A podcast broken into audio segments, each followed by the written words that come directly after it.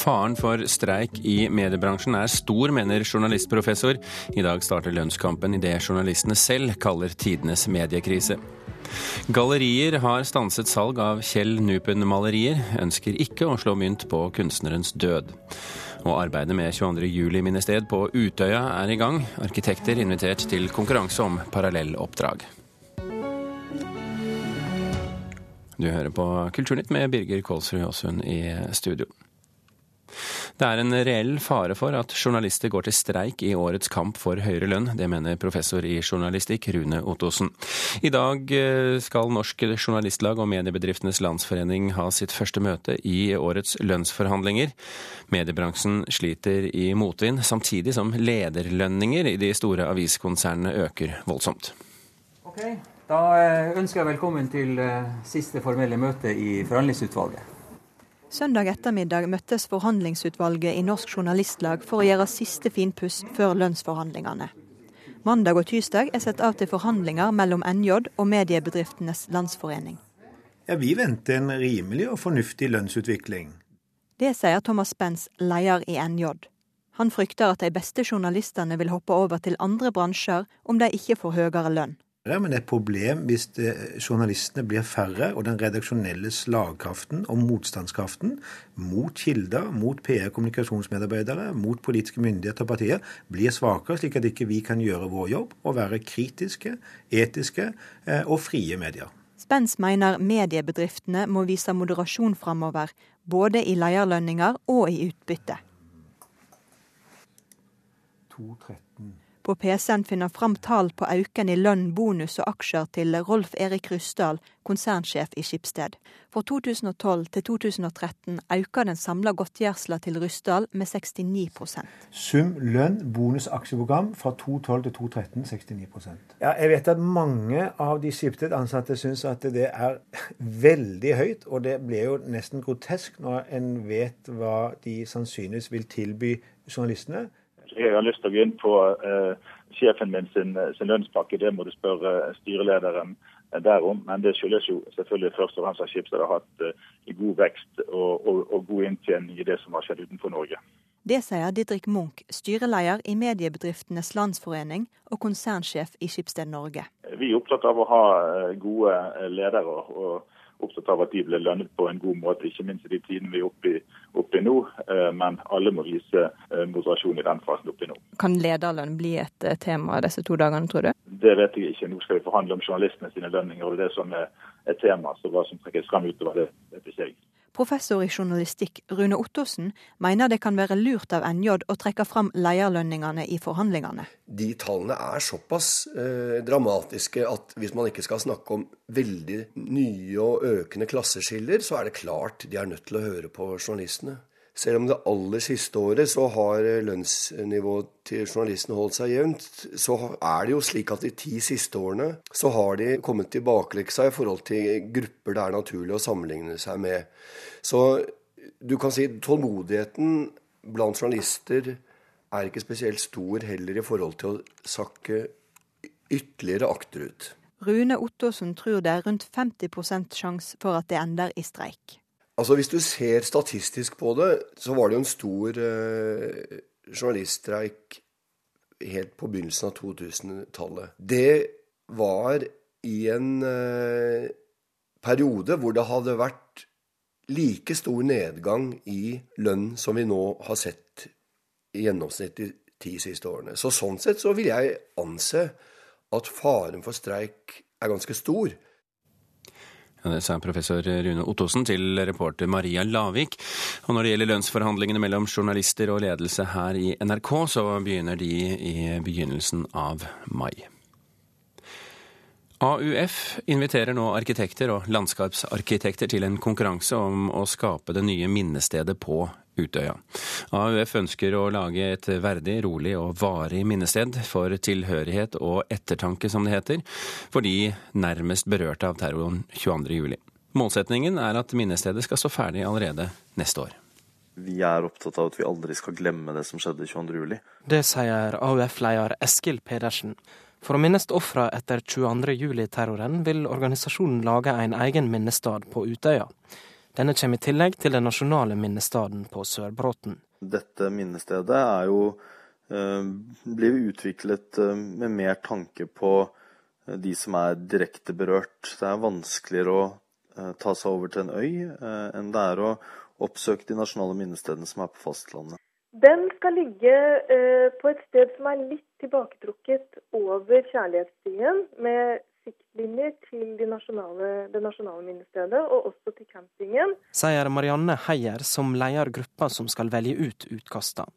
Hun sier de vil arbeide tett sammen med arkitektene under arbeidet med minnestaden.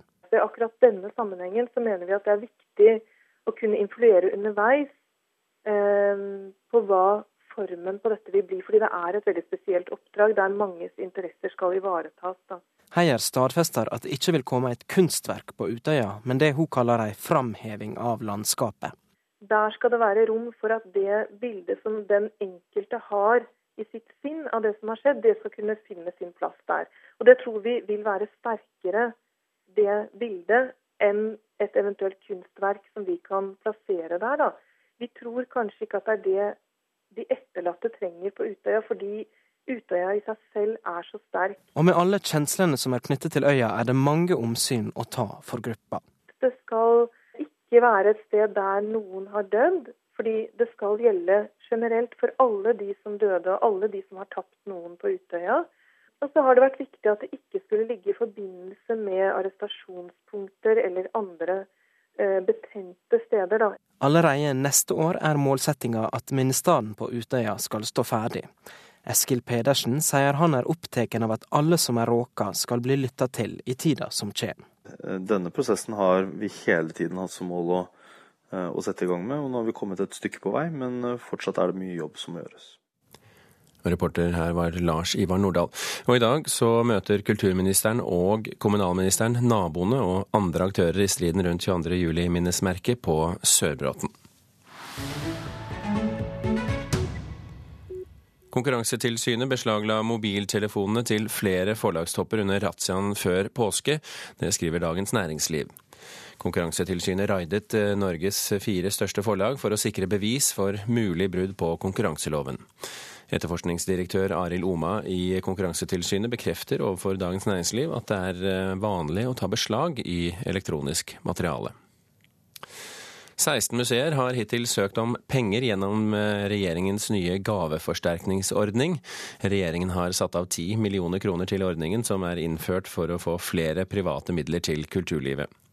Ordningen innebærer at private pengegaver til kunstinnkjøp eller vedlikehold utløser statlig støtte. Og til nå er det søkt om 6,6 millioner kroner fra potten, skriver Aftenposten. Hele Danmark er blitt gjenskapt i dataspillet Minecrafts virtuelle verden. Minecraft er et spill der brukerne kan bygge hus eller hele verdener med 3D-blokker. Den danske geodatastyrelsen har nå laget en fullskalaversjon av hele Danmark i spillet. 4000 milliarder digitale klosser har gått med på å bygge landet, og danskene oppfordres til å ta en virtuell reise i sitt eget land. Det skriver BBC. Så til en eh, i gåsetegn norsk teateroppsetning i Sverige. En liten legenhet. Tomma rum. Nesten ingen møbler. Du og jeg. Ja. Det er så det er. Jeg tenkte det samme. Dette er virkeligheten, tenkte jeg. Her er jeg. Her er vi. Og her, rent konkret, det er Stockholm. Og det du hørte var utdrag fra den norske dramatikeren Arne Lygres nyeste teaterstykke 'Ingenting av meg', som hadde urpremiere på Stockholm Stadsteater i helgen. Stykket har Sofia Helin i hovedrollen, som mange i Norge kjenner fra TV-serien Broen. Stadsteaterets nye sjef Eirik Stubø hadde regien, og Karen Frøsland Nystøl, teaterkritiker her i NRK. Lygre og Stubø, vil du si at nordmenn setter farve på Teater-Sverige for tiden? Ja, de setter i hvert fall farge på eh, kilen i Stadsteateren i Stockholm denne helga. Um, det var en veldig fin opplevelse å være i Stockholm og se Lygre i stuberegi, det må jeg si. Uppsala Nye Tidning skrev jo i sin anmeldelse at uh, til en børjan er det fullkomlig utmattende. Det er så sterilt, så ferg og smakløst at en får en dramatiker som Jon Fosse til å fremstå som en barokkonstner. Er du enig? ja, Fosse som barokkunstner, det er Nei, vet du hva. Jeg er faktisk ikke enig med denne kritikeren. Men man må gå inn på Lygre sine premisser.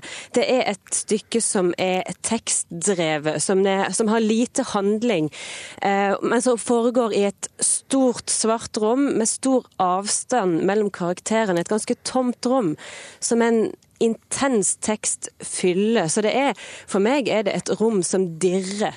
Eh, Fortellinga handler om eh, ei dame som prøver å stable livet sitt på beina etter at hun har sett barnet sitt gå gjennom isen og ikke har klart å redde henne. Eh, og det er en vond erfaring. Og hun, hun, forsøker, hun går fra mann og barn, hun forsøker å finne noe nytt. Det handler om å, å finne en identitet som hun egentlig ikke klarer. Men hva er det som ganske... gjør denne teksten så intens, da? Det er, det er, måten den er skrevet på. Det er Lygre sitt språk, egentlig. For jeg tenkte underveis at dette, dette ligner en roman, dette ligner en, en novelle. Eh, det er, det er replikker, men de sier hele veien 'slik er det', tenkte han. Så du, så du, føler at du sitter og leser en tekst samtidig som du ser, eh, ser eller hører replikker framført på scenen. Og selv om det ikke er så mye handling, ikke er så mye bevegelse, så tetter det seg sammen. Eirik Stube er veldig god på å lage intense spill og intense settinger. Og det syns jeg han klarer her. Det blir, det blir sterkt og gripende når men, det tar tak i det. Men det er ikke noe scenisk dramatikk, med andre ord? Nei. Nei, de er i et svart stort rom med, med, med, mye rom og luft rundt seg. Eh, lite bevegelse, det skjer jo ingenting. Ingen handling. Men likevel så er det i, i, replikkene at det bare tetter seg. Det er nesten litt vanskelig å forklare. Men det er helt spesielt å være med på, på å, se på. Det kan kanskje sammenlignes litt med det stykket av Arne Lygre som Erik Stube satte opp i 2012, 'Jeg forsvinner'. Det gikk på Nationaltheatret i Oslo, og det, det, hadde noe av det samme intense ved seg. Er det en like god oppsetning, dette? Eh, ja, jeg syns det er en like god oppsetning. Eh, 'Jeg forsvinner' fikk jo Ibsenprisen i fjor og fikk mye honnør i det hele tatt. Det bør egentlig dette stykket òg få, spør du meg. Eh, dette er jo da den første forestillingen Eirik Stube har som teatersjef ved Stockholm Stadsteater. Mm. Tror du svenskene får se mer av norsk dramatikk med Stube i sjefsstolen? Ja, det håper jeg. Det er jo mye som fortjener å bli spilt av norsk samtidsdramatikk. Og Stube har jo vært flink å sette opp Fosse og, og, og Lygre tidligere. Samtidig så er jo Stube en internasjonalt orientert eh, teatermann, så det er nok mye han har lyst til å hente inn til Stockholm.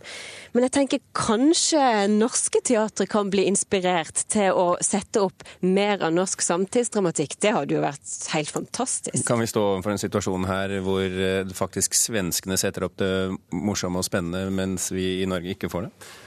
Nei, men det er kanskje bedre at svenskene gjør det enn at franskmennene gjør det. For det er jo oftest de som har hatt urpremiere på Lygre og, og Fosse og sånne ting.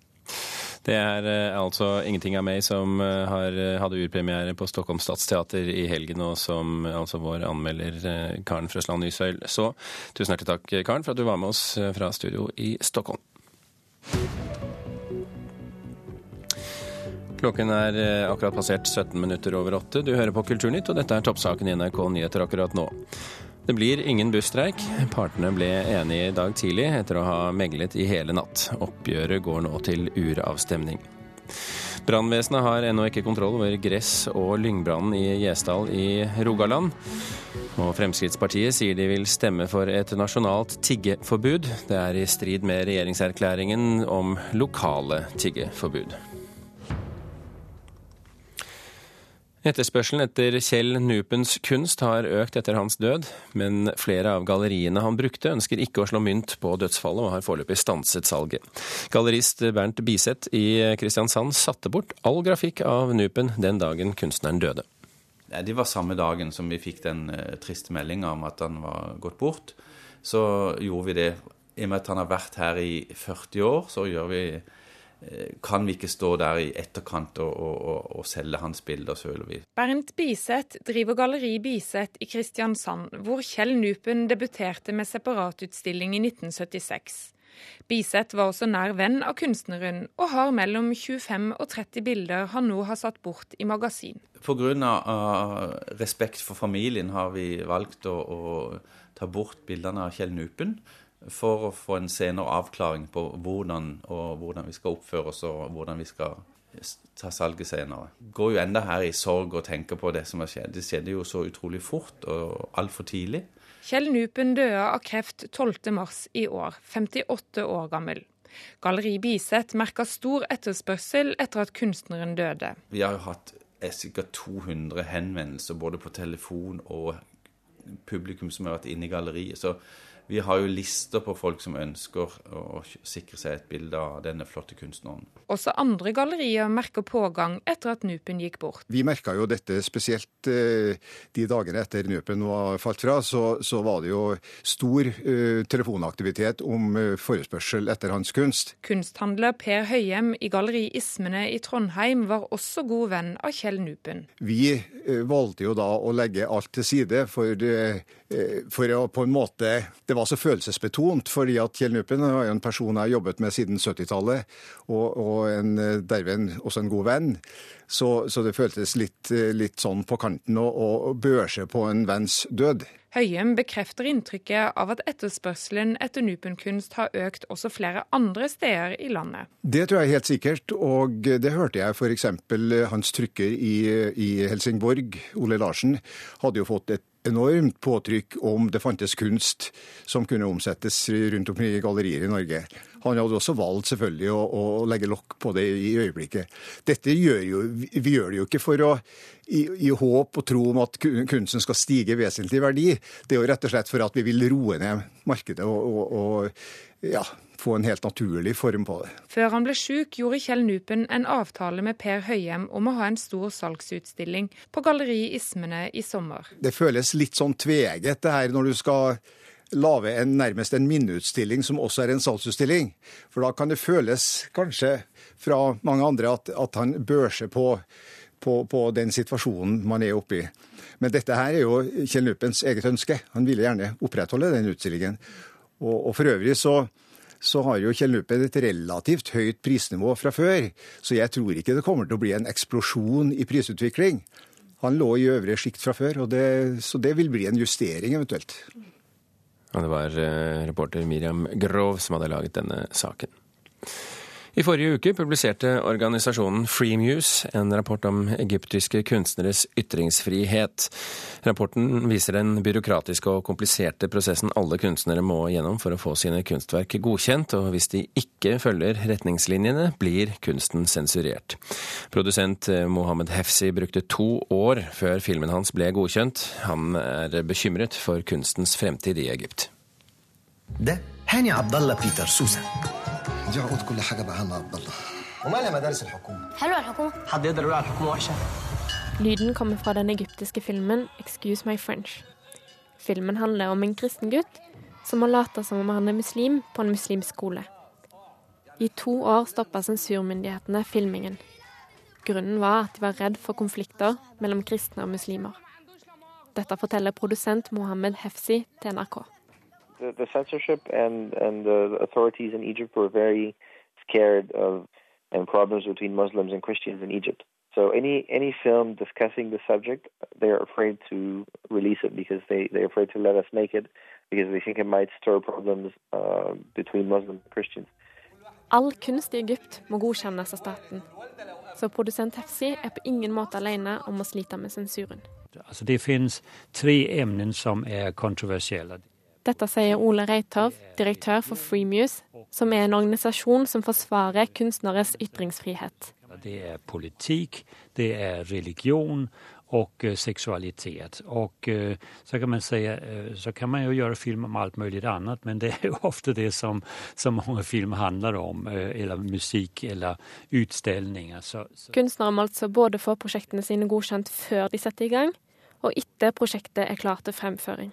Prosessen er lang, komplisert og byråkratisk. Produsent Hefsi måtte i TV-debatt og møte med kulturministeren før filmen fikk klarsignal. So that was a tough war because you know it had to go all the way to the Minister of Culture. But some some directors or some filmmakers don't have that access or don't have the the luxury of being able to fight their way at such a political level. So it's uh, I mean in my case it took two years, but at the end we managed to make the film. But I'm sure there are a lot of other people who haven't even had the chance to uh, get their films made. De fikk filmen godkjent til slutt, men ikke alle har de samme kontaktene. Samtidig er det ikke bare kunstnere som rammes av et strengt regime. I Egypt er flere hundre dømt til døden og over 1000 demonstranter drept. Ole Reitov tror ikke på en umiddelbar forbedring av kunstnernes situasjon. Jeg tror ikke at uh, nåværende regjering eller kommende regjering kommer at uh, stoppe sensur som sådan, men jeg tror at uh, vi kommer å ha en del i at denne diskusjonen får fornyet kraft i Egypt. Produsent Hefsi er bekymra, men har ikke mista troen på at de kan få til en endring. Of course. Of course, I'm worried, and uh, and I'm not. I mean, I'm very worried. Yes, and we're we're going to keep fighting to make our films the way we want to make them, and uh, and we believe it's up for the audience to watch them or not, not the not the government to tell us uh, what we can make and what we cannot make. So, yes, of course, I'm worried. ينام إلا لما بيصلي هو وباباه سوا احنا النهارده فقدنا شخص عظيم بنحبه كلنا دي عقود كل حاجه بقى عم عبد الله ومالها مدارس الحكومه Reporter i denne saken, det var Ingvild Braut.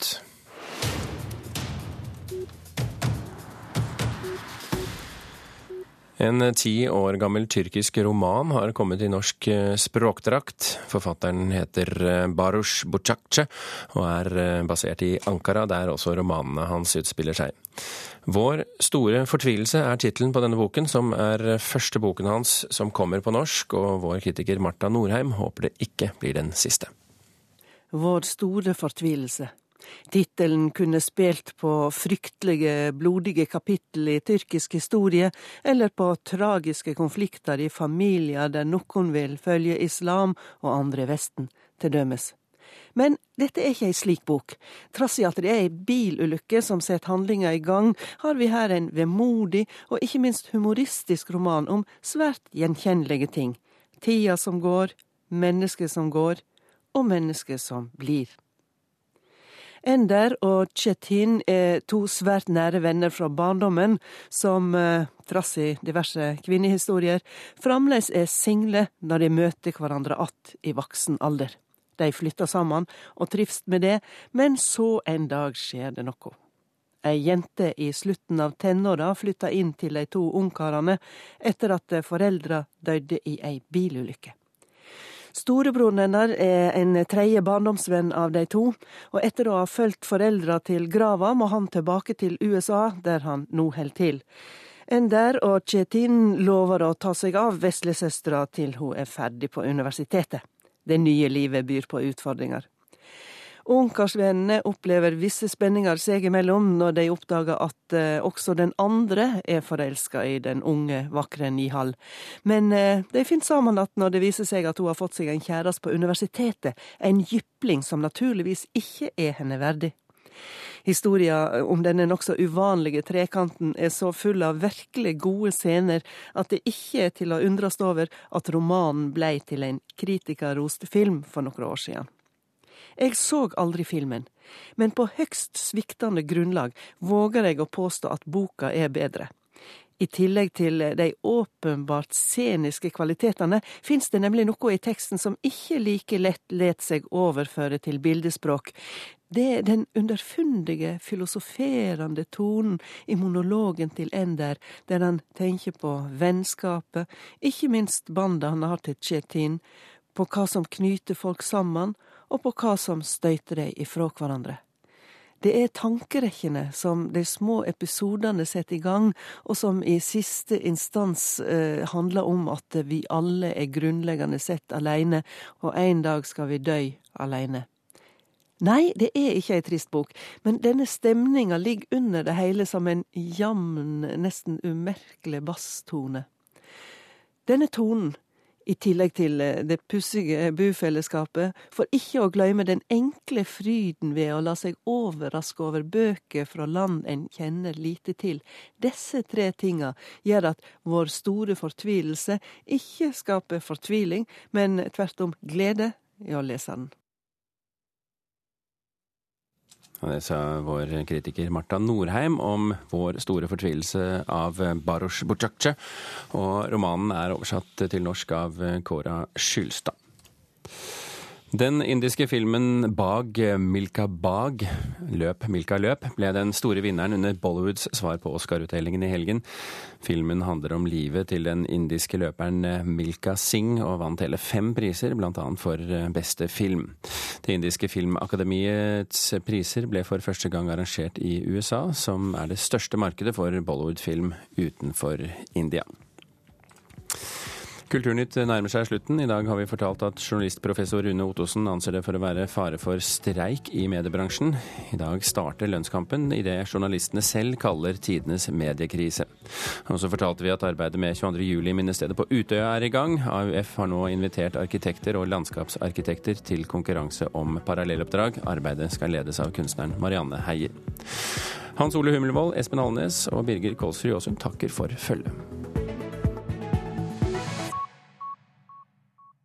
Hør flere podkaster på nrk.no podkast.